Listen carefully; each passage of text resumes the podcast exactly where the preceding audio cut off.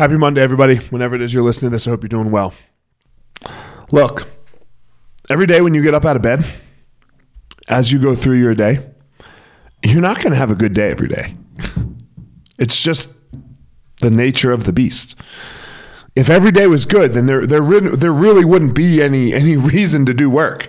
Like if that was just a guarantee, there really wouldn't be any reason to to grind and to hustle and and to to meditate and to journal and to uh, you know do all of the things that we try to do to to get ourselves in a good spot to have a good day, to eat healthy, to exercise, all of this, because you're just guaranteed a good day.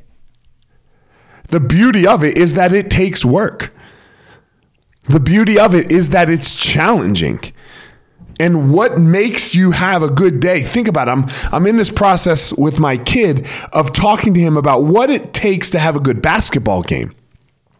You know, and everyone, everyone, when they think about this, they go, "Oh, it's the points you score. You score points," and and sure, that that can be a deciding factor at the end of the day when we look back on it. But I'm like, no, dude, what is it that that you have to do to have a good game? Go do those things because sometimes your shot's not going to fall. Sometimes you're going to you're going to be off, but you can still have a good fucking game. It's the same with your day. It's the same with your life. What are the things that you've got to do to have a good day? To force almost a good day. So that you can replicate it and do it over and over and over again.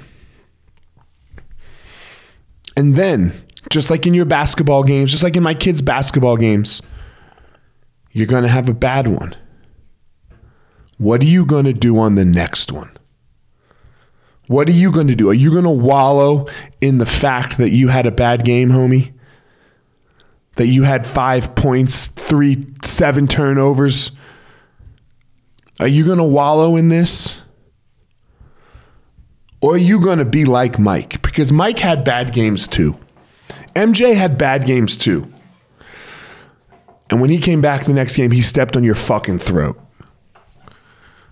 So, what are you going to do when you have a bad day? It's coming for you. It's inevitable. You're going to wake up. It's going to be a bad day. It's going to be a bad day from start to fucking finish. By the grace of God, by the grace of the universe, you're going to open your eyes the next day. What are you going to fucking do? Discover your passion, find your power, go give your purpose to the world.